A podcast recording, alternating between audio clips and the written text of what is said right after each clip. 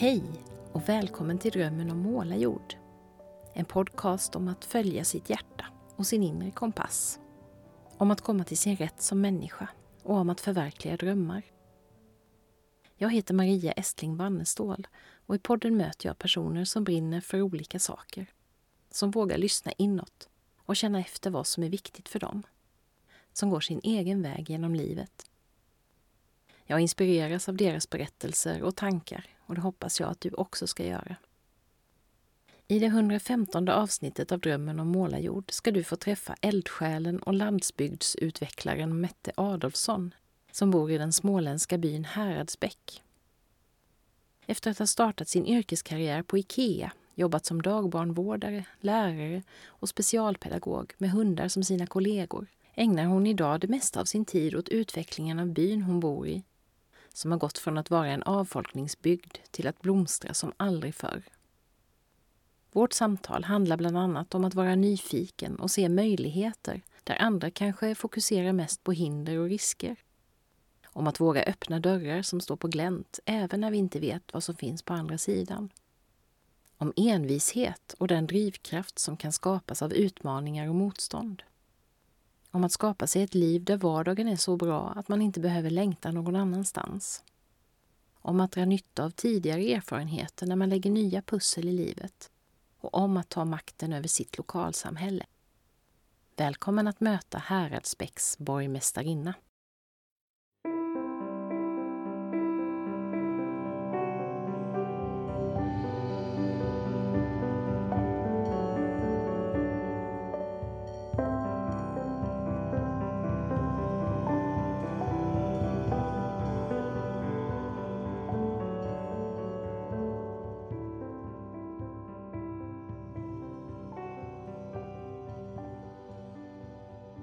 Jag kan ju börja med att säga välkommen till podden. Sen är jag ju hos dig nu, så det är ju, känns ju alltid lite fånigt att säga välkommen till någon som man har åkt hem till i princip. Men, Ja. men du är väl jättevälkommen hit Ja. till Och du är podd. välkommen hit. Ja.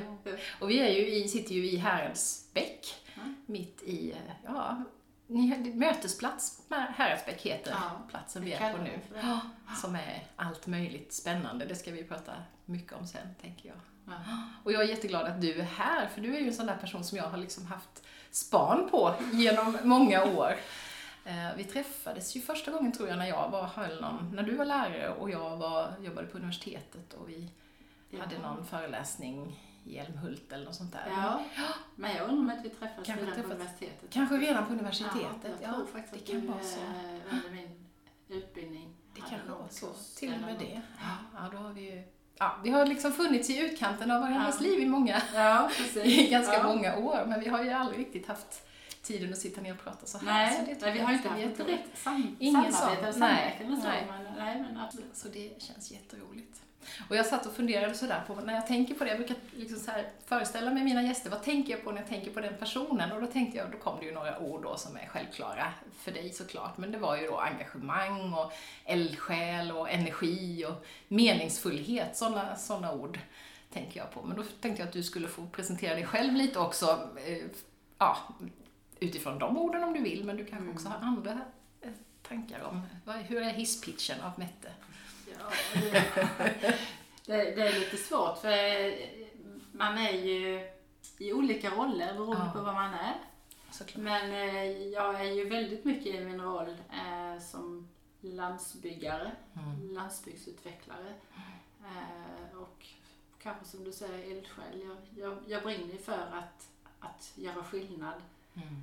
Eh, det har jag gjort i andra sammanhang också. Jag har jobbat som lärare i många år, Mm. utbildad speciallärare, har jobbat med mina skolhundar, eh, med elever som har haft särskilda behov. Mm. Vilket också har varit ett sätt att få jobba och påverka det. eh, till det bättre. Men det är väl kanske, om man ska prata om kändisskapet i så fall, så är det väl att jag har jobbat för bygden och det, Mm. det har jag gjort i många år. Jag har jobbat i mer än 30 år Ja.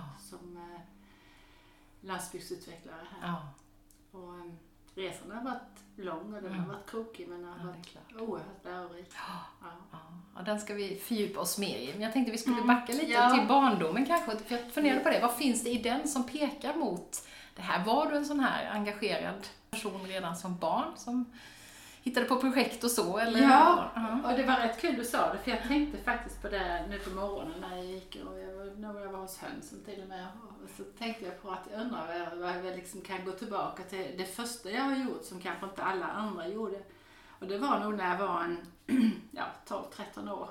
Då arrangerade jag en, en resa eh, till mina morföräldrars sommarstuga som ligger på en ö ut nere, vid, ja, nere under Själland. Eh, och en resa för mina klasskamrater. Vi var ett gäng på sex sju stycken.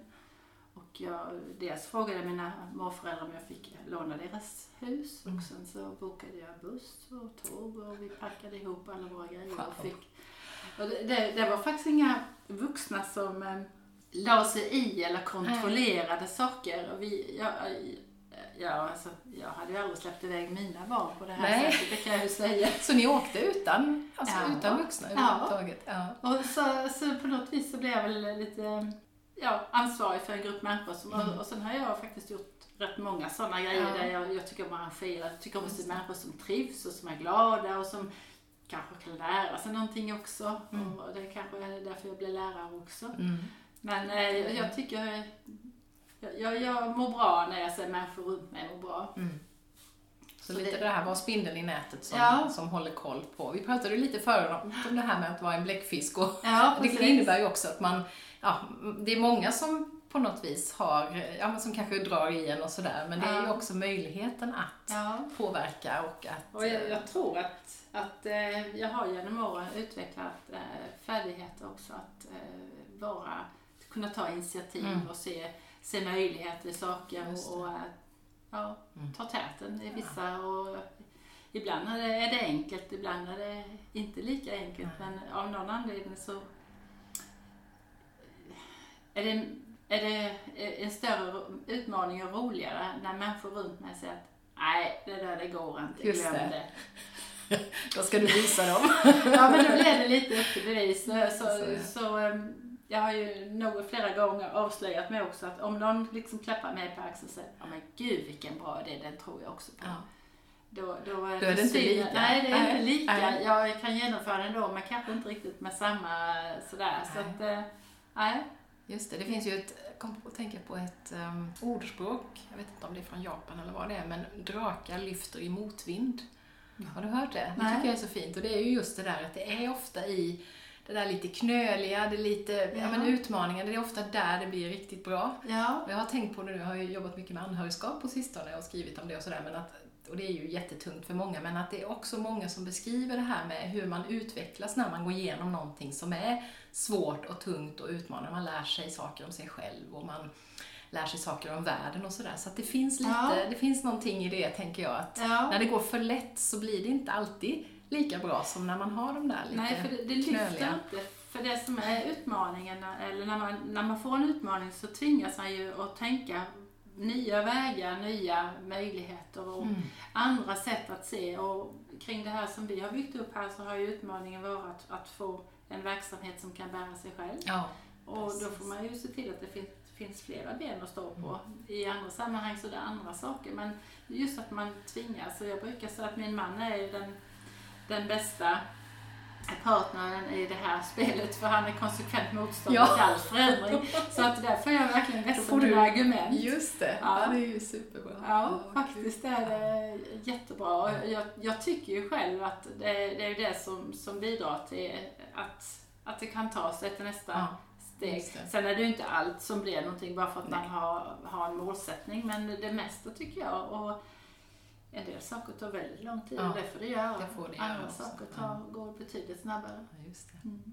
Jag tänker vi kunde börja lite i lärar, din, dina år som lärare. Var det, var det någon självklarhet? Du sa ju det, att du gillade det här med grupper och projekt och så.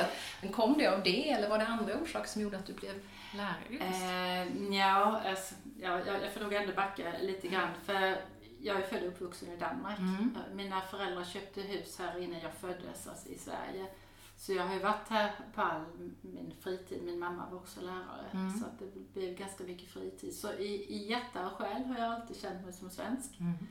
Eh, och Danmark blir liksom förknippat med tvång, skola, bo i lägenhet och ja, inte sådär eh, livet här uppe i Häradsbäck. Vi bodde på en liten, liten gård ute i skogen. Eh, vi fick hästar ganska tidigt och eh, alla mina vänner var svenska och även pojkvänner. Mm. Och det blev ju klart att man levde livet här och. Danmark var någon sorts nödvändigt ont. Så att jag, eh, mina föräldrar tvingade mig att gå gymnasiet. På den tiden gjorde ju inte alla det. Nej. För det fanns jobb till alla. Men jag, jag blev väl tvingad att göra det.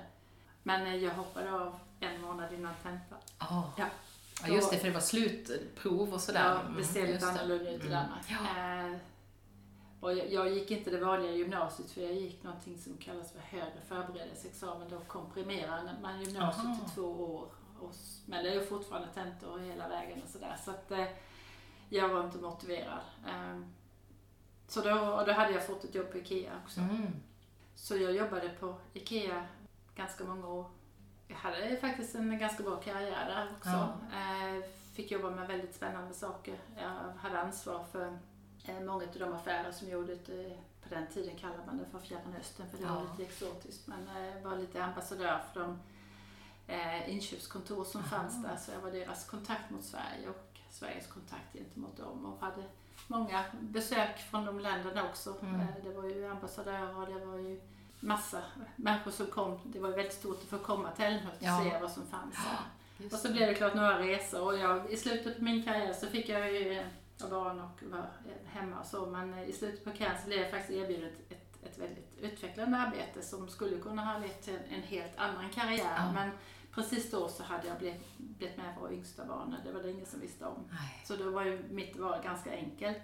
För samtidigt så hade jag också ökat upp min uppfödning av hundar. Och, Ja, just eh, det. Ja, har ju jag har fått mig hundar också. Ja. Mm. och jag hade egentligen för mycket. Jag, jag kände mig inte riktigt nöjd egentligen det, det sista året jag jobbade för att jag tyckte jag var inte tillräckligt eh, närvarande hemma eh, så mycket som jag ville och jag kände mig inte fullt tillräckligt på jobbet heller. Så det blev sådär Har vi den där bläckfisken igen, att man Ja. ska vara på flera olika Ja, ställen. Och... Så att jag, jag valde, trots att jag fick ett, ett, ett väldigt bra erbjudande, så, så um, valde jag att vara hemma och det har jag aldrig ångrat. Mm. Sen var jag hemma ganska så många år faktiskt.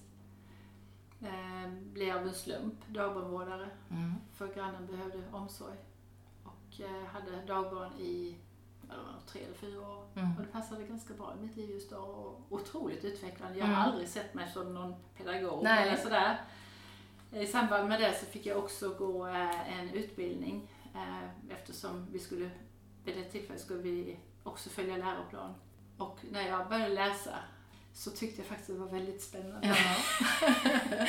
och, och lära mig mer om barn. Så att då bestämde jag mig för att nej, jag ska faktiskt bli lärare. Ah, jag har aldrig känt vägen in, Ja, ja. Men, och det var ju egentligen för att min mamma eh, alltid har trivts otroligt bra och det har varit hennes eh, hon har varit en sån här otroligt engagerad lärare som har Mm. eleverna med sig i hjärtat och, och vill alltid och, och hon drömmer om sina elever och Mm. allt det här. Så jag tänkte att ja men det är kanske det.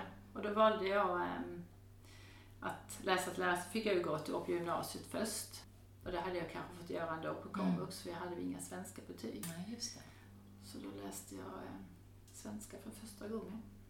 Så fick jag MVG i svenska. Det var Ja. ju, kan jag tycka var, var ganska kul när man aldrig har läst svenska innan. Men eh, just det. var lite annat smått och gott. Och sen kom jag in på universitetet och läste Mm. då till lärare. Sen jobbade jag som vanlig lärare i svenska och engelska under, eh, ja det var kanske tio år eller något. Och sen fick jag ett erbjudande om att jobba som speciallärare på en annan skola. Mm. Och under de här åren jag jobbade så hade ju rollen som lärare förändrats ganska mycket. Och, och jag hade lite svårt att passa in i den kostymen för jag är ju Dels har jag alltid eh, känt varmt för de här eleverna som har haft det kämpigt och Mm. jobbat för att de ska få komma till sin rätt. De, de väldigt duktiga eleverna, de klarar sig alltid. Ja, är. Men de andra... Och sen eh, är skolan ju, har ju blivit svårare att, att, att göra det man själv tycker Mm. är bra för det ska... Det är mer och mer av styrsystem och Ja, kriterier. och då, då tyckte jag att det föll bort väldigt Ja. mycket av, av nöjet med att, att undervisa, att få göra det. På ett ditt sätt. sätt. Ja. ja, där du ser vad som behövs. Ja, alltså jag, jag såg mycket i processer. Ja. Eh, och att bygga elevers självförtroende har varit oerhört viktigt för Mm. mig under alla år. Och jag kände inte riktigt att jag fick den möjligheten för det skulle bara mätas och kontrolleras på vissa sätt. Eh, och sen, ja, hur som helst så utbi- utbildade jag mig till speciallärare i samband med att jag också då bytte skola. Och Mm. ehm, då utbildade jag också mina hundar eh, till skolhundar. Till skolhundar. Berätta om det, det vet inte jag hur det är. Hur, hur funkar det? Ja, då använder man hunden som ett pedagogiskt redskap. Ja, Ja. Eh, man kan läsa för en hund ja. och man kan eh, berätta saker för en hund. Man Just. kan lära hunden saker. Man kan göra matte tillsammans med hunden. Och, eh, det finns ju väldigt mycket som man på ytan kan, kan mäta av på det här sättet men det handlar ju egentligen om att man bygger upp ett självförtroende. Ja. För oavsett vad barnet gör så är ju den suverän över hunden, den har ju, kan ju mycket mer. Mm. Bland annat när det gäller läsning och läsförståelse. Många av eleverna som jag har haft har ju haft svårt att läsa och inte varit motiverade utan har oftast avstått från att läsa Ja. därför att alla andra kan, jag kan inte. Precis. Och Eh, så kommer man bara mer och mer efter Ja, också. alltså man, man, man provar inte ens om man är inte är motiverad av texten man läser. Men jag köpte bland annat en bok eh, till, för ungdomar i hundträning. Mm. Det är ingen förenklad text men den är skriven så den inte är tätskriven utan är mer korta instruktioner. Mm. Och eh, när barnen fick välja själva vad de vill göra så vill de ju gärna lära hundarna ett trick. Ja, Ja. Och då läser man, tar man sig igenom texten. Ja. Vad är det vi ska göra och hur ska vi göra Mm. det? Och kanske läser tre, fyra sidor med saker och får ju då under tiden hjälpa hunden att göra de här sakerna. Mm. Och när vi har avslutat lektionen så kan jag ju fråga vad, vad är det vi har gjort idag? Men jo, vi har lärt Ove ett trick. Han kan Ja. säga high five eller gör high five. De ser ju inte att de har tagit sig igenom avkodat en text, förstått, kunna det. utföra, alltså ta instruktioner och utföra det, tillämpa dem. Ja. Eh, och, ja, men det är ju det där att det, det, pragmatiken kommer in i det hela. Liksom. Ja, Vad ska men- vi ha det här till? Men så- det är ju svårt att ja. förklara Ja, för andra eh, riktigt vad Ja. det egentligen man gör. Men se den lyckan i ögonen, det är helt... Helt fantastiskt. Och hundarna är så otroligt fokuserade också på Mm. Jag ger inga kommando alls till hundarna utan jag, jag kan styra dem lite av handsignaler när vi har jobbat Mm. men inte något annat utan det är barnen. Och Ja. jag kan visa lite film sen Ja. jag har, det är inget märkvärdigt alls. Men det, det, är så, det är så fint att se och just hur de här barnen växer i Mm. sitt lärande också. Ja, och självförtroende. Ja. Sen är det ju klart, jag har ju haft ett eget klassrum med mig för jag blåste ut en husvagn och gjorde om den till en läs och skrivstudio med en jättemysig soffa och heltäckningsmatta och läckert skrivbord och Mm. fina fåtöljer man kan snurra på sådär. Så det har varit lite lyx att få komma Ja, visst. ut i den. Ja.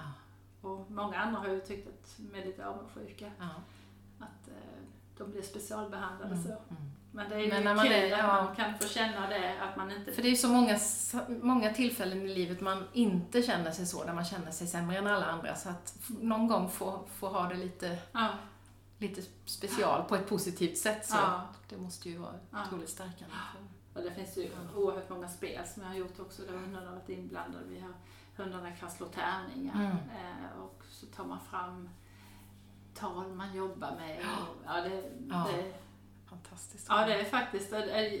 Jag brukar säga att den lönen jag fick som lärare, den, den betalar jag räkningar med. Ja, Men den riktiga lönen, den fick Det jag av de eleverna. det, ja. Och den satte sig jätte... ja, det är klart. Ja, Ja. Och sen också då kunna förena att du hade hundintresset och, Ja, och liksom de olika världarna som kan gå ihop också. jag, Ja, för det var liksom- ju också ett plus att mina hundar behövde liksom inte så mycket annat förströelse. Jag var rätt så nöjda när vi De- kom hem och då jobbade jag eh, måndag, onsdag, fredag så att Mm. de hade en vilodag emellan. Ja, det ju verkligen. Ja, men det där att kunna liksom sy ihop livet så att de olika delarna inte blir helt separata enheter. Nej. Det tänker jag ofta på att, att jag nog också har gjort ganska mycket så. Att det går in, det, ja, det finns ju andra som mår bättre av att liksom skilja Ja. helt på jobb och fritid och sådana där grejer. Men jag kan ju gilla det där att det får, ja men det blir det, blir det här lite hela mig i det på något sätt. Att jag är här Ja, och jag har de där olika delarna och sen kommer de till, ja, ja men vävs de ihop på något sätt. ja. Det Det, känns det känns lite,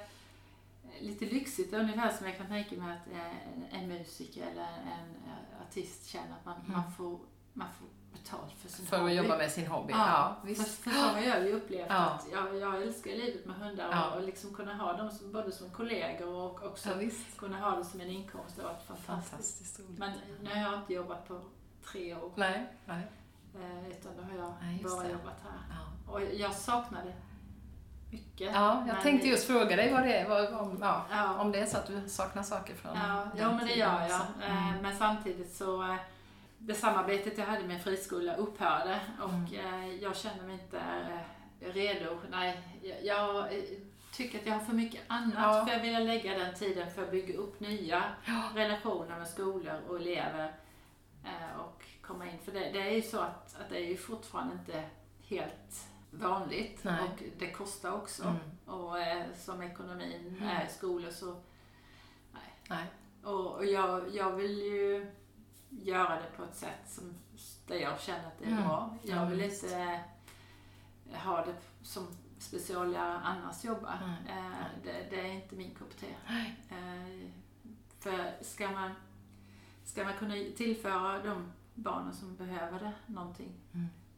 Så måste man ge dem den tiden de Ja. behöver. Just Och det får man inte när man har 40 minuter med den och 40 med den och så ska det Nej. check, check, check och en lektion i veckan. Mm. Det, Nej, det blir ju inte alls på samma och sätt. sen ska man fylla i massa papper dessutom. Mm, just det. Ja. Dokumentationshysteri. som- Ja, så att, Ja, eh, ja, så, nej, så så, nu har du tagit ett kliv Ja, men vidare. så tar jag, nästa, jag har gjort ganska tvära kast på det sättet. För det, Mm. det var ju ett ganska, eh, om man tar från början då när jag hoppade av gymnasiet så var det ju liksom ett steg att, att Mm. eh, väldigt stort steg för då flyttade jag hit också. Mm. Eh, Från att ha varit här på somrarna med ja, familjen och så. Ja, Mm. ja, det är klart lov, eller helger och sånt Ja. där också. Men eh, jag kände mig ju, alltså det här var ju hemma för mig. Mm. Det var inte så att jag flyttade bort utan jag Nej. flyttade hem. Du flyttade hem. Men det är ju klart stor skillnad, jag var ju inte mer än 18, det är ju stor skillnad att, att helt plötsligt stå på egna ben Ja. eh, och ska ta ansvar för allting. Men eh, det har jag varit bra på. Mm. Jag ordnar. Det är inget som någon annan behöver göra, utan jag, jag kan själv. på egen hand. Ja. ja, ja just det. Eh, Ja, och, men, sen, eh, mm, och sen Ikea och sen så... Ja, och också, och det var ju, jag var ju väldigt ledsen egentligen när jag såg upp mig från IKEA för det gjorde jag ju inte förrän en, eh, jag hade varit hemma i tre år. På den tiden fanns det ju föräldrapeng, hette det där? Eller man fick ju vara, man fick en ersättning. Jag vet inte riktigt hur, vad som är ändrat och sådär, för nu var det så länge sedan jag var hemma också. Ja, men man kunde vara hemma Mm, till kunde vara hemma längre, ja, just det. Men, Mm. Men i alla fall, jag, jag sa upp mig och bestämde mig då eh, kort efter att jag skulle studera också. Men det kändes ju som att man lämnade någon trygghet bakom sig där, för då hade jag klart. varit anställd på IKEA i 15 år och hade ju Alltså, mitt liv var ju Mm. IKEA, så Ja, var det ju ja, tills... Det är ju ett stort hopp att, att lämna Ja. det och för någonting nytt. Men eh, jag, jag, jag är aldrig rädd för att ta de här stegen egentligen. Eh, jag kan ju känna sorg när man lämnar någonting Mm. för man gillar människorna i Ja, visst. sammanhanget och man gillar kanske jobbet och sådär. Men jag tänker att, eh, eller också har så gott självförtroende så jag Ja. tänker att det ordnar sig. Ja, just det. Det Eh, finns ju en grundtrygghet i det. Ja, det, jag, har- jag det kommer lösa sig på något jag har annat aldrig sätt. varit rädd. Nej, du är inte beroende av det som är utan du kan Nej. se Och möjligheterna. jag, jag tänker också att jag, jag har aldrig tillhör, tillhört någon, eh, något skydd eller fack eller sådär. För jag tänker att om, om inte min arbetsgivare trivs med mig Mm. så vill jag ju inte vara här då. Nej, nej, precis. Och jag tänker att jag kan nog tillföra någon annan någonting istället. Jag har ju aldrig hamnat i den situationen Nej. men eh, jag tar mig för och sen är jag väl kanske en entreprenör. Jag Ja, har ju alltid men haft egen verksamhet också. Ja. Eh, Och det är väl det där att se möjligheterna som du sa Ja. förut, just att ja, det, det, det dyker upp, det öppnar sig. Jag tänker också lite på det här med dörrar som öppnar Ja. sig och sen så om man vågar gå in genom dem liksom. För det är inte alltid man skapar allting själv, utan ibland är det ju så att det ja, faktiskt oh, ja. dyker upp någonting och så är man beredd då att våga titta in genom den dörren och kanske till och med kliva in där Ja. ordentligt. Och, Ja. och det, det är ju något som jag är glad att jag också har i mig, liksom att, att våga göra det. Ja, för det är ju nyfikenhet och det handlar ju Mm. också om att, att man utvecklar sig själv. Eh, och det är klart att om man bara ska titta rent krasst på, på ett bankkonto, att Ja. det måste komma in en regelbunden lön varje månad för att jag ska må Mm. bra. Ja, men då ska man ju inte göra de här stegen. Nej. Men om man, om man vågar, eh, eller känner att man har någon sorts man kanske har ett, ett stort sparkonto, då kanske inte lika stor risk, men att, att man liksom ser att, att, att jag, jag tar den här risken. Ja, ja Och, precis. Det finns andra möjligheter. Så Ja. att, ja, just det. Och, det, och det är också lite det där att värdera. Vi pratade om det lite innan att ja, men, varken du eller jag känner sådär att man måste kanske ut i världen så jättemycket. Vi, vi trivs ganska bra där vi är och det, jag tänker att det är lite, lite samma sak. Alltså har man inte behov av ja, men vissa saker, det måste inte vara det senaste köksinredningen eller resan till Thailand eller vad det nu handlar om utan man, man hittar ganska mycket fint i vardagen som Ja. är här nu. Då behöver man ju inte heller ha en väldigt hög inkomst. Det har jag haft med mig hela Mm. tiden. Liksom att det liv jag vill leva kräver inte en Nej. jättehög inkomst. Jag tycker det är lika, min pappa pratade alltid om det. Att det är utgifterna som är det viktigt, viktiga och inte inkomsterna.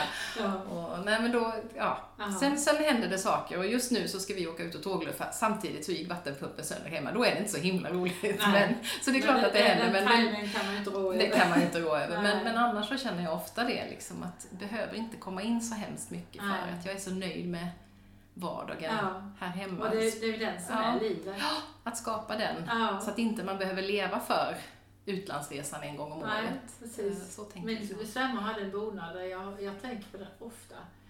Eh, inte visste jag att alla dessa dagar som gick var livet. Just det, Och, precis.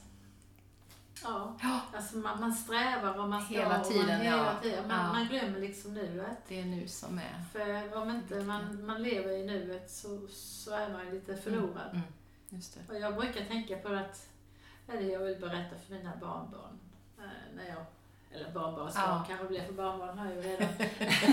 Men eh, ja, jag ser på mina barnbarn i alla fall, de, de tycker ju att det jag har gjort här till Ja. exempel är fantastiskt. Ja, att vi har eh, aktivitetsparken och att vi arrangerar olika saker.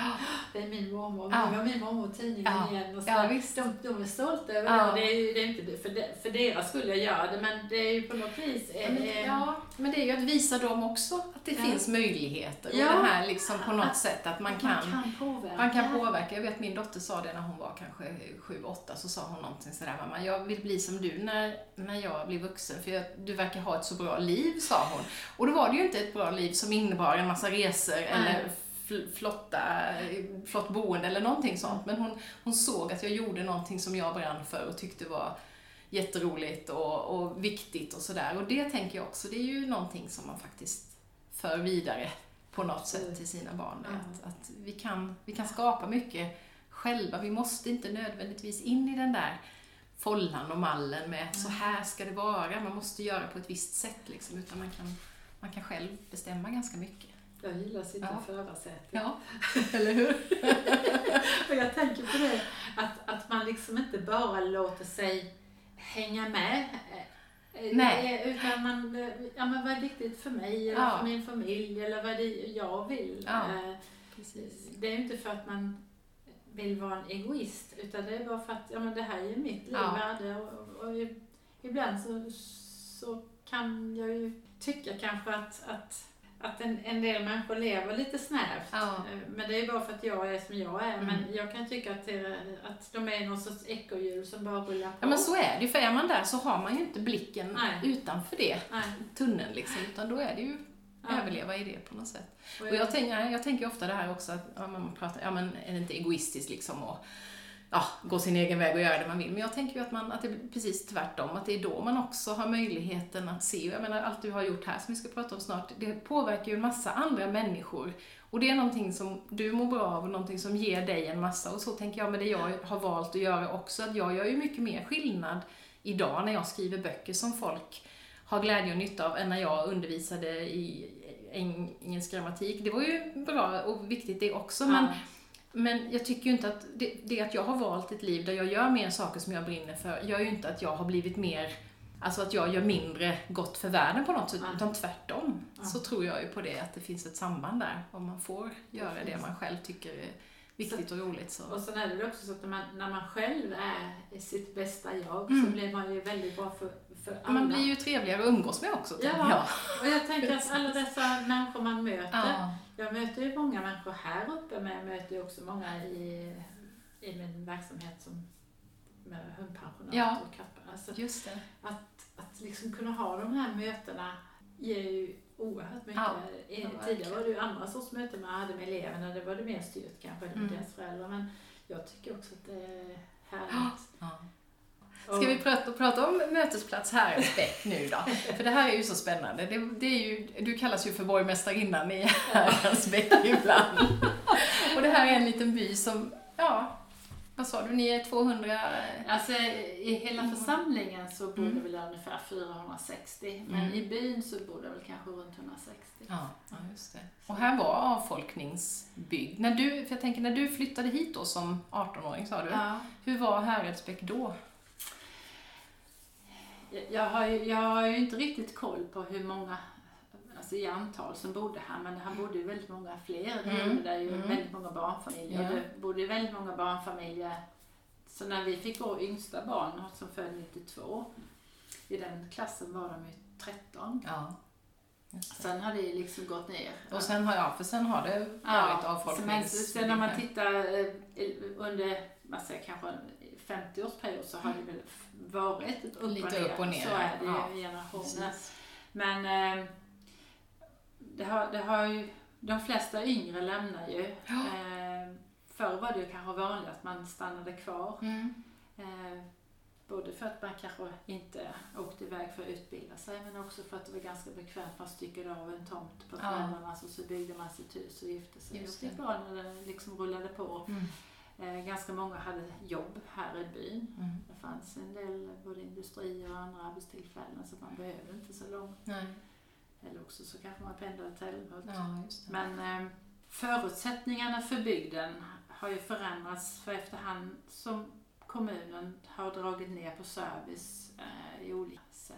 Det börjar ju egentligen på med brandvärnet eller brandkåren där man är och så blir det ett brandvärn så blir det äldreboendet och sådär. Och, Just det. Så undan för undan så har det ja, liksom... lite så. Och sen blivit- har ju trenden också varit att alla ska flytta till städer och Ja. man ska, det ska vara enkelt. Men kollektivtrafik betyder ganska mycket och det finns här ju ingen. nej. Eh, hade vi inte drivit affären själva hade det inte varit någon affär heller. Nej. Så att, eh, Så det var lite det där, ta tag i det ja det eller det. se det lite grann Ja, och avfolkas. det är klart att man kan ju inte se riktigt konsekvenserna. För jag blev ordförande i Hallunda intresseförening eh, 88 tror jag. Ja, det är så länge sedan. Ja. Ja, jag är fortfarande ordförande. Ja. Men eh, eh, då var ju inte ambitionen, eh, alltså, det- där fanns liksom ingen målbild egentligen. Det var ju mer att, att jag tyckte det var trevligt att, att jobba för bygden.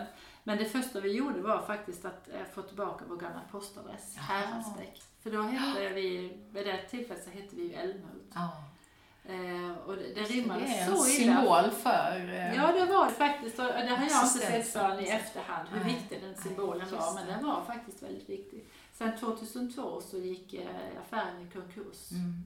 Och någonstans där så blev det liksom att, att göra ett vägval. Antingen acceptera att ja, men så är det, man lägger ner lanthandel Ja, överallt. visst. Eh, men vi såg ju också konsekvenserna av det, att då blev det ju helt dött. Mm. Eh, vad ska man köra upp till byn för om inte här finns någonstans att Nej, träffas eller nej, samlas? Då på den tiden fanns ju skolan i och för sig, men det var liksom ingen träffpunkt för, för de som Ja, jag menar barn åkte skolskjuts Mm. så vi hade ju inget ärende till skolan heller. Nej. För den. Men, eh, så vi köpte konkursboet och så startade vi upp handelsboden. Mm. Eh, Och det var intresseföreningen som... det var tog intresseförening. det. Eh, och vi har drivit den sedan dess. Och det har ju varit en, ganska guppig resa får man väl säga. Mm. Och, och där finns ju en anledning till att lanthandeln lägger ner och det är lönsamheten. Ja, visst. Det, det är svårt att driva en lanthandel. Eh, och vi, vi eh, har väl aldrig visat plus egentligen. Nej. Stoppat in väldigt mycket egna pengar. Ja. Så, men eh, hur som helst, någonstans eh, 16, 17, 18 så fick vi ta ställning till om vi ville fortsätta Mm. eller om vi faktiskt skulle tänka eller bestämma oss för att nej, det går Mm. nog inte. Nej. För eftersom det är bygden som äger, för de som var medlemmar i intresseföreningen var ju delägare i Handelsbo, Ja, så tyckte vi ju att, att man skulle känna sitt jag kanske inte säga ansvar, men man skulle känna sin, sitt, sitt delägarskap Ja, och se värdet. ja, här är det ingen enskild, även om smöret kostar fyra kronor mer här så är det ju inte Det går inte in i någon ficka det är inte någonstans. Mette som Nej. tjänar pengar Nej, eller någon precis. annan utan det är ju liksom för att vi ska kunna betala löner för de som jobbar. Ja, det är klart. Ja. Ja, visst. Och, och fortfarande är väl köptroheten sådär. Mm. Många jobbar ju i Älmhult och Ja, då tycker hamnar jag. man på vägen. Ja. Men det är jättebra att ha butiken när man har glömt grejen. Mm, mm. Eller man är sugen på en glass på söndag. Just Nej, jag ska inte säga så. Men Vi, vi har, men det, det vi gjorde var ju att vi istället för att ge upp så valde vi oss möjligheter. Och då tänkte vi att då får vi se till att handelsboden får fler ben att stå på. Ja. Och då byggde vi ut med ett café, Ja. restaurang. Mm. Ehm, och bara för att återkomma till uppskattning också så var det väl ganska många som tyckte ah, men det går väl aldrig, det begriper du väl. Och för två år sedan, en decembermorgon vid kvart över sju, så ringer det en, en man till mig här från bygden. Hör du Mette, sa han, jag ska bara säga det en sak. Jag tyckte det var rena vansinne att bygga det där kaféet. Men en sak ska du veta, det är det bästa som har hänt i Härlunda Ja. de sista hundra åren. Ja, ja, visst. Vilket kvitto va? det var verkligen ett, ett Åh, kvitto på och jag, jag vet att det är många som, som, som också ty- uppskattar så kanske Ja. inte formulerar riktigt så. Men eh, sen är det väl också så att, att en, ett, en restaurang eller café i Häradsbäck, den kan ju inte bära sig bara på de som bor här Nej, heller. nej. Så, Så det gäller ju att dra hit ja, folk och också. då Då, blev det att vi, vi byggde aktivitetsparken Mm. och också satsade på aktivitetshallen. Och sen har ju gasolen betytt väldigt mycket och det är väl också en sån sak som har Så hit kan man då komma och tanka gasol och då bor man här och då handlar man lite i affären och sen tar man sig en liten fika och sen så har man liksom Ja, det blev så blir det ett mer bra stopp på vägen. värde där. Ja. Ja, visst. Och eh, att vi fick gasolen var ju också en slump för den, den låg i en, en grannby och sen skulle de sälja. Det fanns, jag vet inte, min man kom hem i alla fall och sa att vet du om att de ska sälja gasolen där borta? Nej, det visste jag inte. Och dagen efter så var den såld. Ja. Så när du... Ja, Så det var det. inga långbänkar här, Nej, men en idé. Ja, jag la åtminstone beslag på det. Jag hade betalat något till den. Men eh, grejen var att vi fick dem med hjälp av eh, Region Kronoberg. Ja. Eh, möjligt att sätta upp den. Ja, det var rätt det. mycket jobb. Ja. Eh, vi har nästan investerat två miljoner. Oj. Mm. Men vi fick det mesta betalt. Så att, Ja. eh, men den betyder väldigt mycket för just Dels så tjänar vi pengar på gasolen men sen Mm. kommer det också många kunder hit Det som inte många, vi har fått hit Nej, nej, det, är- det är värdefullt. Och det gör ju liksom att flödet och det gynnar ju butiken också. Ja, men det är ju den där helheten på något sätt, där, där de olika delarna, det blir någon synergieffekt där på något sätt. Men det, det är, ju- alltså när, man, när man börjar ett sånt här projekt så har man liksom inte hela... Jag hade inte hela bilden klar Nej. i alla fall. Och eh, det var ju som sagt många olyckskorpar men jag satt med i Lidl Elev, eller var med i den första laggruppen. Laggruppen är de som beslutar om projekt. Och då vet jag att eh, det var en ansökan från eh, några entreprenörer som ville starta ett pannkakshus i Tolj. Just det. Och eh, jag brukar faktiskt alltid se väldigt eh, positivt, men eh, där var jag faktiskt tänkte hur, hur i hela fridens namn ska man kunna ha någonstans mitt ute i skogen ett pannkakshus som ska bära sig. Ja.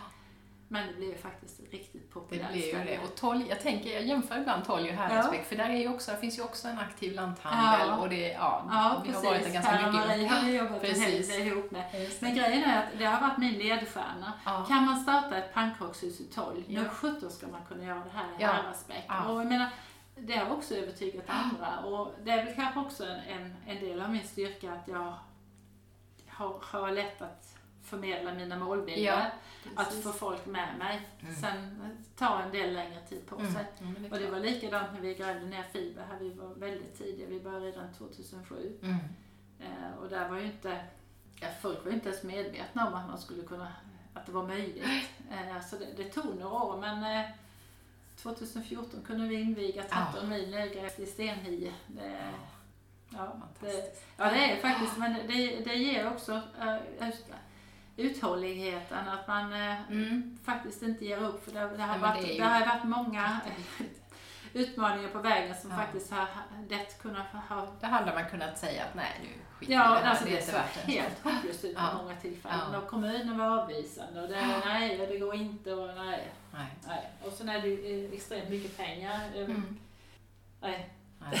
Men, det skulle kunna få många att att Ja, inte gå vidare där såklart. Precis. Men, men ja. eh, sen eh, ibland så kan man eh, slita sitt hår och tänka hur fattas men på något vis så måste man ibland ner så, så helt plötsligt, ja men man skulle kanske kunna, eller vad tror du om? Och sen Ja. helt plötsligt så började det blomma upp och så bara, sig någonstans. Ja, visst. Ja. Och det är väl det som skiljer kanske då att de människor som måste ha ett facit, alltså man måste veta exakt att gör vi det här nu så blir det det här resultatet. Och det kan man ju aldrig riktigt ha när man Nej. jobbar som vi gör, utan det blir, ju, det, blir ju chansningar ibland och ibland blir det jättebra, ibland blir det inte det. Men man måste våga Ja.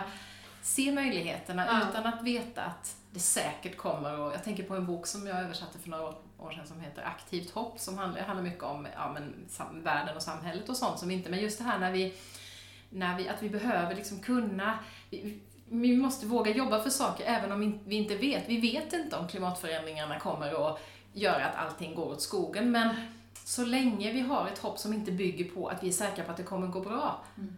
så kan vi fort, fortfarande liksom ha kvar det här engagemanget och jobba. Ja. Det är när vi tappar det, det är ju då vi ger upp och det är Ja. då det inte blir någonting. Nej, Men, precis. men kan vi hålla kvar det där aktiva hoppet som inte säger att så här blir det, men det finns en möjlighet. Då har vi någonting, då har Ja. vi liksom en... Ja, jag tror det är jätteviktigt att tänka så i, i det lilla också. Mm, precis, i Eh, allt små saker. För det är också sånt som, som stärker en själv. Du, det här lyckades Ja, ju. ja, Jag tänker att jag har eh, support till någon som har haft eh, problem med, med alkohol. Mm. Eh, eh, och där får man lära sig eh, att det, det är små, små steg. Ja. Det är här och nu. Inte Verkligen. imorgon, inte nästa vecka. Nej. Utan det är de här... Det är valet du gör Ja. precis i stunden. Och eh, just att man kan känna sig nöjd med även små saker. Mm. Att man kan tycka yes. Och jag, jag brukar, du, sa att du, du vilar din trädgård. Jag har bakat ganska mycket. Ja. Eh, och slänga ihop en deg och knåda och Ja. skapa och dofta. Så, ja, men har jag inget annat gjort så har jag i alla fall Så bakat har du- gott bröd som många kan njuta Ja. av. Och Det är sån härlig... Just det. Ja, ja, men det betyder jättemycket. Ja, och visst. det är ju ingen stor grej i världen, Nej. men för känslan. För, ja. För, för den, det är ju egentligen den Det är känslan. den och som är så den- viktig att ha med sig sen Ja. också då i de större Ja. sammanhangen. Alltifrån det lilla Ja. till det stora.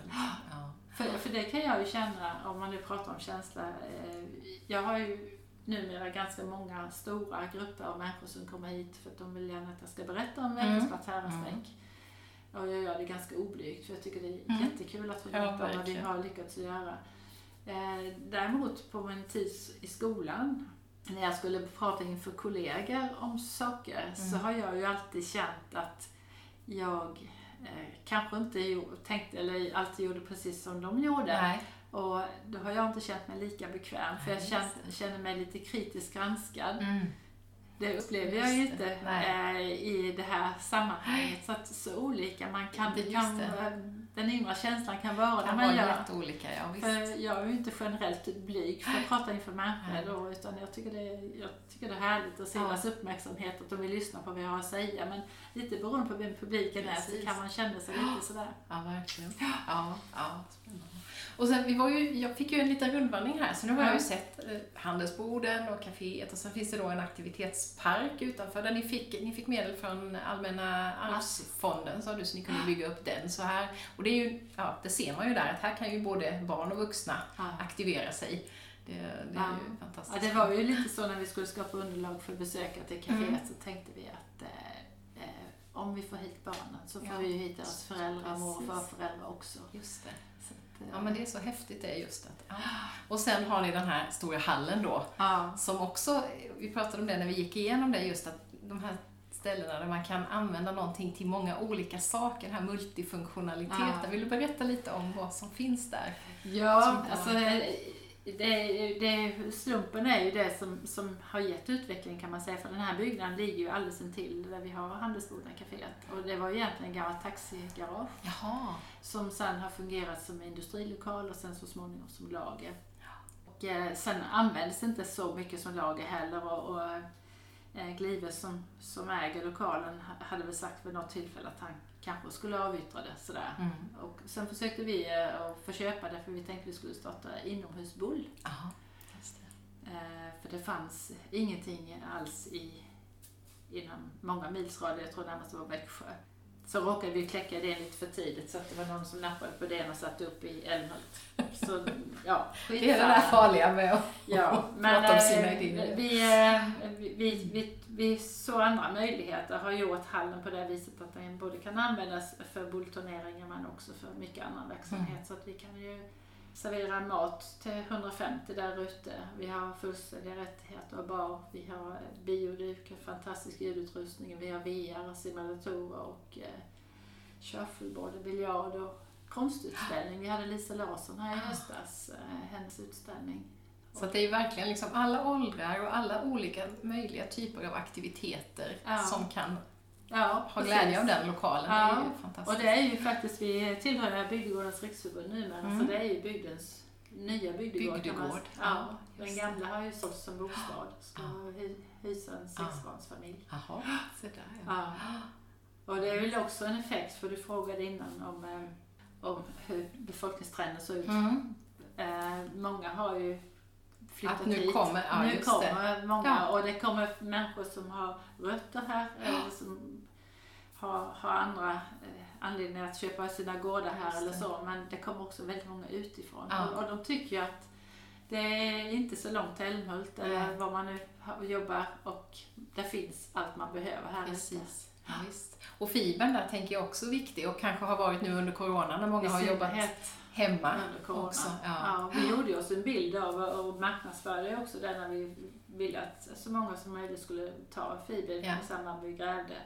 Att det kommer generera goda möjligheter för studier och Mm. för att driva företag eller annan business på hemmaplan och sådär. Men Mm. vi kunde inte föreställa oss att Att det skulle bli ett sånt Nej, behov som det nej, har varit nu men tänk så många har om vi jobbat inte hade haft fiber. Nej, visst. Då hade det sett Det väldigt hade annorlunda blivit ut. väldigt annorlunda. Ja. Ja. Ja, det är fantastiskt. Nej, men det är så häftigt tycker jag med det här med hur alla de här olika delarna liksom Ja. går ihop och i varandra och hur du också, tänker jag, har nytta av din bakgrund och de olika saker du har jobbat med tidigare. Att, att det också kommer till användning här Ja. nu. Den här projektledaren som redan som 12-åring ordnade resor och sen har, ja men Ja. visst är det så, vi lägger på, jag tänker att vi lägger liksom ett pussel under livet och sen får vi nytta av Ja. jag känner samma sak nu när jag har skrivit en bok där jag har jobbat väldigt mycket som jag gjorde under tiden på universitetet när jag var forskare och skulle pussla ihop ett stort material. Ja, men där har jag jättenytta av de erfarenheterna. Trots att jag ibland har tänkt varför la jag så många år där ute? Och så, ja, men den här boken hade ju inte kommit till Nej. nu om inte jag hade lärt mig det där att sitta med ett jättematerial och pussla ihop det. Eller projektledarskap. jag- Ja. För som egenföretagare är man ju också på något sätt projektledare i sin egen lilla verksamhet. Och där tänker jag också att ja, men de projekten jag ledde under Ja. universitetstiden, nu har jag nytta av det. Jag, jag tänker det är lite samma Ja. dig där, att du också, man samlar sina erfarenheter och sen... Ja, det skulle jag vilja Ja, säga. Jag tycker ingenting man har gjort är förgäves. Nej, Även nej. om det kanske inte har lett till eh, att man har blivit rik, om det nu är målet med livet, eller att man på något annat sätt, så har det ju gett erfarenheter, Ja. precis som du säger, som man har nytta av i andra sammanhang. Ja, och kontakter och Ja. nätverk och ja, Ja. massa sånt också spännande. Så det, ja, Alltså jag tänker, när man liksom spolar tillbaka hur många intressanta möten man Ja. har gjort. eller hur?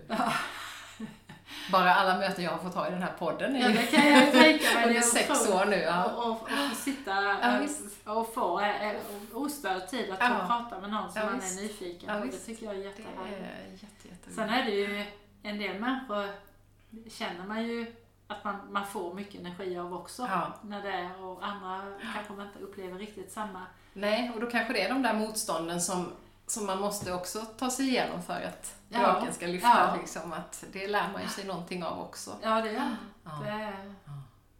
Hur tar Mette hand om sig nu då? För hon har ju tusen järn i elden hela tiden. Hon tycker inte om att vara i trädgården. Du sa att du bakar. Men, Ja, ja, men jag, ja, ja, ja. Eller ja, du, du, du kanske tankar lite energi i trädgården också, men Ja. för du odlar mycket sa du. Men det är annat som, som kanske ger ännu mer energi. Ja, alltså jag håller ju på mycket med hundar. Ja. Och eh, hundarna, även om det är väldigt mycket jobb, eh, jag har ju dels egna och sen har jag ju hand om andras också, Mm. så ger det ju väldigt mycket motion, Ja. mycket skogspromenader och där eh, får hjärnan eh, vila, och, eh, eller borde vila, men det blir oftast att den får tänka färdigt tankar och man fundera funderar på saker. Sen har jag nog en näsa för att se andras ehm, ja för det var ju inte så inspiration vi skulle prata om, utan hur jag kopplar av. Nej, jag, jag gillar att vara hemma och göra och eh, eller påverka, det är väl Ja. kanske egentligen det. Att skapa, se andra människor som också tycker det här är bra, Ja, att få med den på vagnen och kunna... Och det ger energi ja, det ger till dig också snarare än att alltså, bara dra. Vi Ja. fick eh, besked på en, en stor ansökan i förra veckan. Åh, yes! Ja, den kommer att... Grattis! Åh, härligt. Ja, ja och den, den kan ju faktiskt, om man ska vara riktigt storvulen, förändra världen. Oj, Det, är det något du får berätta om eller är det hemligt? Ja, nej, det är inte ett dugg hemligt. Eh, Det är, vi har sysslat med krisberedskap och det grundar sig i eh, stormen Gudrun. Mm. Hemma i Torbjörnhult var vi utan ström i 30 dagar. Mm. Och livet blev lite annorlunda när man inte har ström i sitt hus. Jag fick barn då så att, och bodde på landet och hade ingen, så vi flyttade faktiskt in till min mamma i stan. För inget vatten, ingen el och en nyfödd bebis, en hund, en katt och eh, två andra barn. Det blev lite för bökigt. Ja, det förstår jag. Ja. Men du, då, har du, då vet du Ja. vad det är. Ja. För grejen är så att, eh, och det var kanske egentligen då som det blev sån här wake-up call för mig. Vad är viktigt i livet? Ja.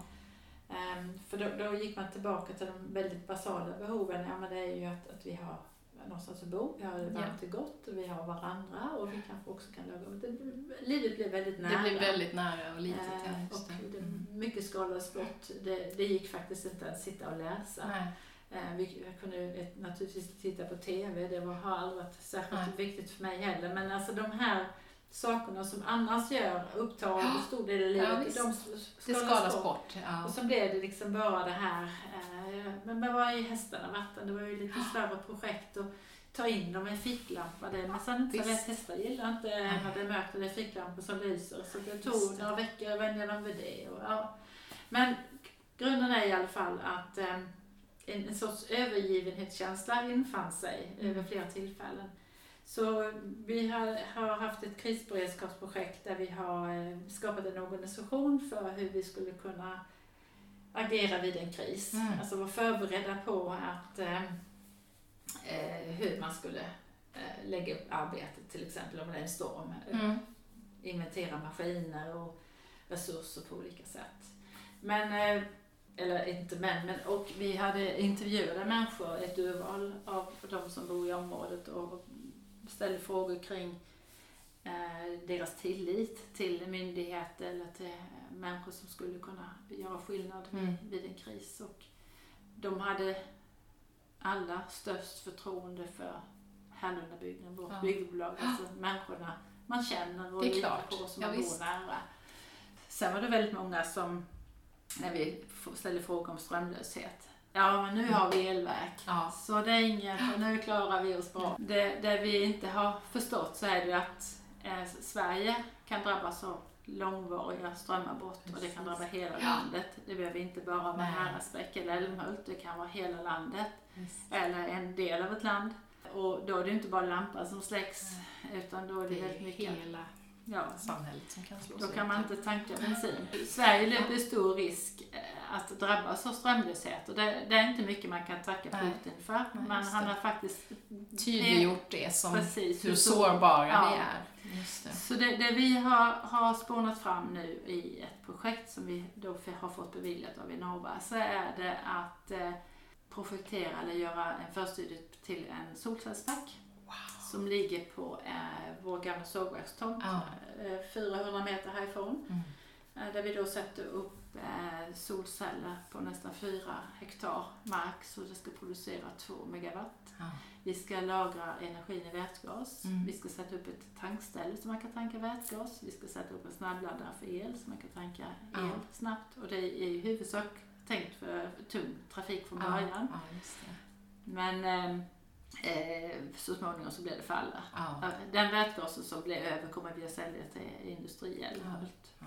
Sen blir det lite biprodukter där, det blir syrgas och det blir spillvärme. Ja, och det kan vi också sälja. Så också kan. det, här, det här blir en ren kommersiell business. Ja, men, Men- så viktig för... Ja. Men då är det så här att vi kommer att lägga egna ledningar från den här eh, parken Mm. till samhällsviktiga funktioner i byn. Ja. Till vattenverket, till handelsboden, till kaféet, till aktivitetshallen. som ska bli en trygghetspunkt Mm. och till Härlundagården, vårt Mm. seniorboende. Så vid långvarig strömlöshet så finns det ström så mycket lagrat så vi kan köra dem hela det här kanske i 14 dagar, tre Ja, veckor. ja. Eh, Det vill säga att du kan ju både handla i butiken, man kan äta i kaféet, ja. man kan bo över i hallen för där Just är det, varmt. för där är det varmt. Och de gamla som bor här behöver inte vara oroliga för att de inte har ström och vatten heller. Nej, För vattnet kommer också fungera. Ja, vet du vad det är faktiskt det. Och jag har Helt till och med fått med MSB på det här. Ja, Ja. Så jag tror, Underbart. och det vi gör nu så är det att vi, vi bygger upp en modell ja, som vi ska prova här. just det. Och som sen kan... Sen ska den kunna användas på andra Just det. orter. För det jag, jag kallar det för landsbygdens bidrag till Mm. omställningen. Mm, För dels är det ju ett bidrag till omställningen. såklart. Och sen är det ju också ett bidrag till den lokala ekonomin. Ja. För det här ska ju Just det. generera pengar. Mm. Men det är framförallt också en trygghet Ja. för oss. Skulle Just det bli så har vi i alla Så fall kan man klara sig. Ja. Ja. Visst. Och det, jag läste just något citat, jag vet inte om det var du som hade sagt eller någon som hade sagt det om det här ni gör, men just det här, ta makten över lokalsamhället. Och det är ju någonting man har pratat om ett tag nu i omställningsrörelsen och i, Mm. ja, men det aktualiseras naturligtvis nu med pandemi och med krig och allt det här, just att Ja. vi är så otroligt sårbara. Så att det är så här vi måste göra om vi ska rusta för framtiden. Vi måste bli starkare i- lokalt. Så att Och jag tänker ju att, att eh, det har ju varit så att vi har ju väldigt många gånger stått här med utsträckt hand och, och behövt hjälp från, från Älmhults kommun Ja. eller från Älmhult. Jag, jag tror faktiskt att det kommer att bli tvärtom. Ja. För jag skulle inte vilja bo i en trea i ett hyreshus i Älmhult om inte det. finns någon ström.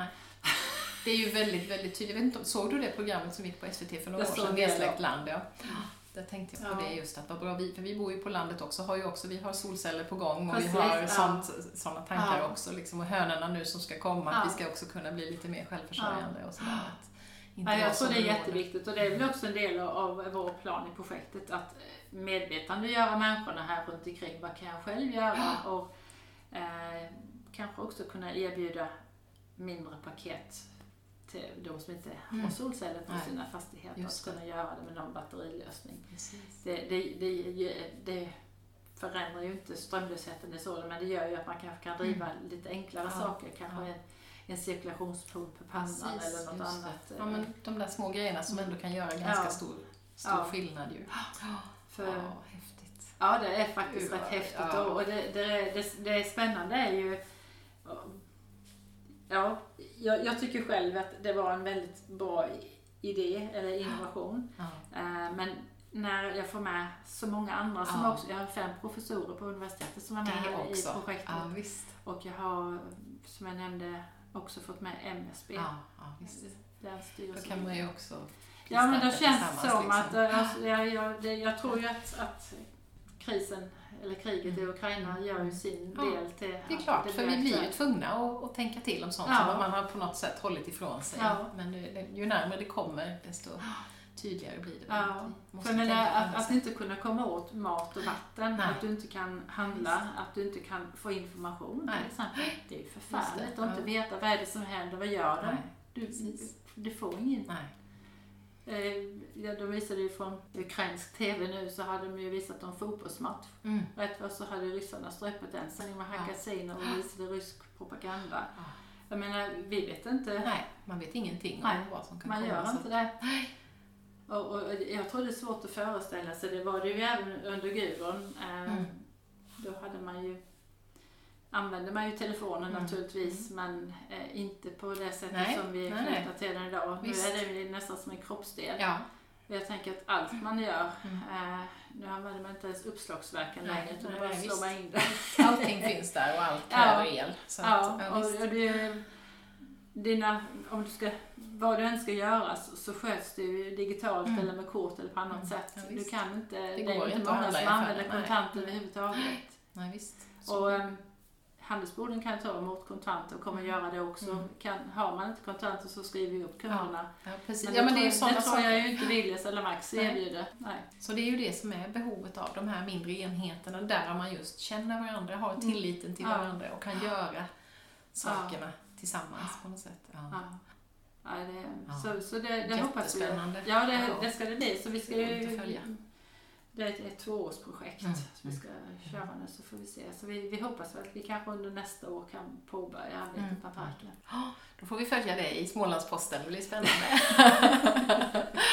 ja, vad roligt. Ja. Jag tänkte vi skulle börja avrunda här. Eh, Är det, är det någonting vi inte har pratat om? Jag tänkte på senior eh, äldreboendet här har ni Ja. också. Det har ni också tagit, ja, vi har köpt det. köpt det Ja. också. Och det Ja. var också det här att det skulle kanske lägläggas ner annars, eller hur? Ja, ja men det, den historien är lite längre för kommunen la ner det som äldreboende för Ja. 2010 tror jag det var. Ja.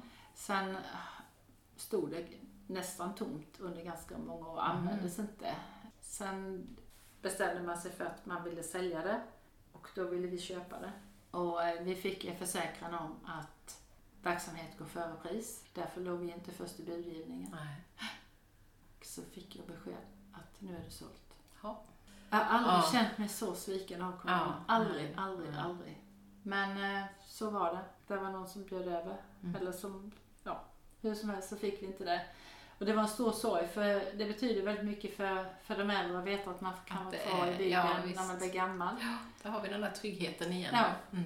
Och eh, nu börjar man själv bli så gammal så man tänker att vad ska jag bli av? Nej, jag är Mm. inte ett dugg intresserad av Mm. att flytta till Älmhult när jag blir gammal. Så vi eh, spånade vidare på att, att bygga något eget Mm. och nytt. Ehm, och det hade vi gjort om inte vi hade hittat den här lösningen men det, det blev väldigt dyrt. Mm. Och för människor att ge upp en bostad som du inte betalar någon hyra för. Just det, ehm, till en ja, helt och annan. betala kanske 7-8 tusen i Mm. hyra, det, det är nästan omöjligt. Mm. Ehm, men vi, eh, efter två år så la vi ett bud. För då hade det inte varit, var det Jo, ingen? Jo, han det var. användes som vanliga Ja. hyresbostäder. Ja, så ja. att det var uthyrt. Där bodde flera äldre, det Ja. gjorde, men det var många andra som också bodde där. Mm. Eh, Men då la vi ett bud och så fick vi köpa det. Mm. Men vi fick ju betala 2,5 miljoner mer än vad han fick betala. Ja. Men eh, Men nu är det ni som vi äger driver det. Ja. Ja. Så det är 16 lägenheter. Ja. Eh, Och vi har sagt att man ska vara 65 år för att bo där. Ja. Eller ha en funktionsnedsättning. Ja, det. Och där finns ju stora gemensamma lokaler också. Mm. Köket där nere har vi gjort om till bageri. Ja. Så det använder vi som litet kylrum. Men eh, vår, vår målsättning är ju att det här ska bli ett boende med guldkant. Ja. Vi vill ju gärna ha verksamhet och så vidare. Ja. Men det har ju pandemin varit. Det har ju varit en besvärlig länge. Mm. Men eh, vi kommer börja nu att, att vi erbjuder att de kan äta gemensamt en dag i veckan. Mm. Så tar vi mat här från kaféet. Just det, för då har vi återigen det där att Precis. kunna dra nytta av de olika Ja. benen. För, för idag så sitter de, ganska många lagar sin mat själva. Mm. Men eh, många får en liten plastlåda med Precis, film över. som så man sitter ensam för. Ja. Om man ens äter den. Som jag vet att min mamma, det stod ofta kvar när hon fick Ja. de där lådorna. För det var så Precis. tråkigt att äta. Så att hon gjorde. Ja, så vi tänker att vi dukar upp fint och trevligt med ljus och, och eh, sådär, äta Ja. gemenskap. Ja, Få visst. ta mat från en, en skål eller ett fat. Ja, ja, vad fint. Ja, det blir, det blir livskvalitet Ja, det blir jag. på ett helt annat Ja. sätt. Och det, ja, det är så sorgligt det här på något vis när du kommer över en viss ålder och inte är klar. Då, ska det, då är det som att, jaha, nu är alla likadana, nu ska vi in Ja. i något, någon slags folla, för så här är det på ett äldreboende. Att inte kunna Mm. tänka lite i andra banor och, Ja. och göra någonting som Alltså, jag- jag- jag utgår- och livskvalitet. Det, Nej, för jag utgår från mig hur vill Ja, jag hur vill ha jag det? ha det som- ja. som- Och för mig skulle det vara väldigt viktigt att kunna bo där uppe och fortfarande kanske ha en hund Mm. till exempel. Och, eh, jag kanske inte kan gå med den själv men då vill jag ju kunna det köpa finns- mig till Ja. tjänsten att någon kan Någon hjälpa kan mig att ta hand med om det. den och rasta den. Ja. Eh, Ja. Ja, men det är det här som är så spännande med dig ju. Att det är ju allt ifrån äldreboende till gigantisk solcellspark. Till, Ja. Alltså det är från det lilla till det stora och det finns Ja. en mening och det finns ett hjärta i allt det här. Det tycker jag är så himla Ja. häftigt. ja, hjärta finns det. Ja. För, eh, ja. Ja, det Skolan det. hänger kvar. Ja. Eh, Jag vill gärna Just det, skolan upp skolan vill igen. också driva. Ja. Ja. Mm. Mm. Ja. Så det finns lite framtidsplaner kan man säga då, vid Ja, sidan av det allt finns som, det. Det som finns pågår. många, många som Ja. mindre projekt som Ja. jag. Nu Ja. kommer de här, det här stora projektet kanske ha fokus. Det är Men, klart att eh, det får ta och jag tänker kanske just vad det gäller skolan så är det väl kanske inte jag som ska driva den. Jag har ju, har ju passerat den åldern där mina barn i alla fall Ja. går i skolan. Men eh, jag, jag tänker att med tanke på alla familjer som har flyttat hit och Mm. i den takt de eh, utökas så vore det säkert bra att Så starta finns upp det ett eh, behov. skolan igen. Mm. Ja. Förskola finns här. Ja, det finns. Ja. Just det. Ja. Ja, men det är ju verkligen allt ifrån avfolkningsbygd till nu har blivit Ja. någonting helt på, vad heter det då, påfolkningsbygd? Ja, ja. Inflyttningsbygd, ja. Nej, ja. Liv och levande miljö där man jobbar tillsammans och skapa. Jag tänker att det handlar ju mycket om att skapa det, det liv och det samhälle som man vill leva i. Det är Ja. ju, alla är ju en del av det här på något sätt. ja, men så är det. Och det är ju ingen annan som gör det. Nej. Är vi Man själva. får göra det själv. Ja. Mm. Och det är ju också det som är eh, det man får ut av det. Ja. Resultatet. Det är betal, Ja, lön, belöning. Det är lönen. Ja, visst. För jag tänkte just om det var någon som satt nu och lyssnade här i någon avfolkningsbygd och tänkte, ja men vad, hur, vad gör man, hur börjar man? Men jag, jag, det är mycket, mycket handlar ju om det här som du beskriver, tänker jag, att kunna se de här små stegen som kan leda vidare och Mm.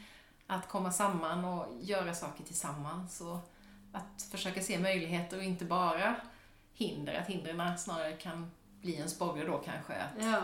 Sen tycker jag man, man måste, våga, våga, måste våga sikta mot stjärnorna. ja, ja. Eh, Man ska inte, för hade jag lyssnat på alla de här kåporna, det går väl aldrig, Det går väl aldrig. det väl, Nej. eh, bredband i Häradsbäck, Ja. men det är inte kloka, Nej, nej, nej. det kommer på satelliter, det är inget, alltså, nej, nej, Nej. nej, så är det kanske. Ja. Men eh, man, man måste vara ihärdig Mm. och, och, och när man tittar runt om, om man tittar på de exempel som är både kring landsbygden men också i andra sammanhang, det är ju människor som har trott stenhårt på Ja, det och kör ja, det. och så kör man Och där. de lyckas ju Mm, oftast. Mm, just det.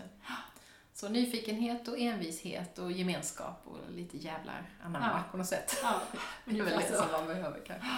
Ja. Tack snälla Mette, det var jätteroligt att få prata med dig och få höra om allt fantastiskt du har varit med och skapat och skapar. Ja, Tack. tack snälla Marie för att du vågar lyssna.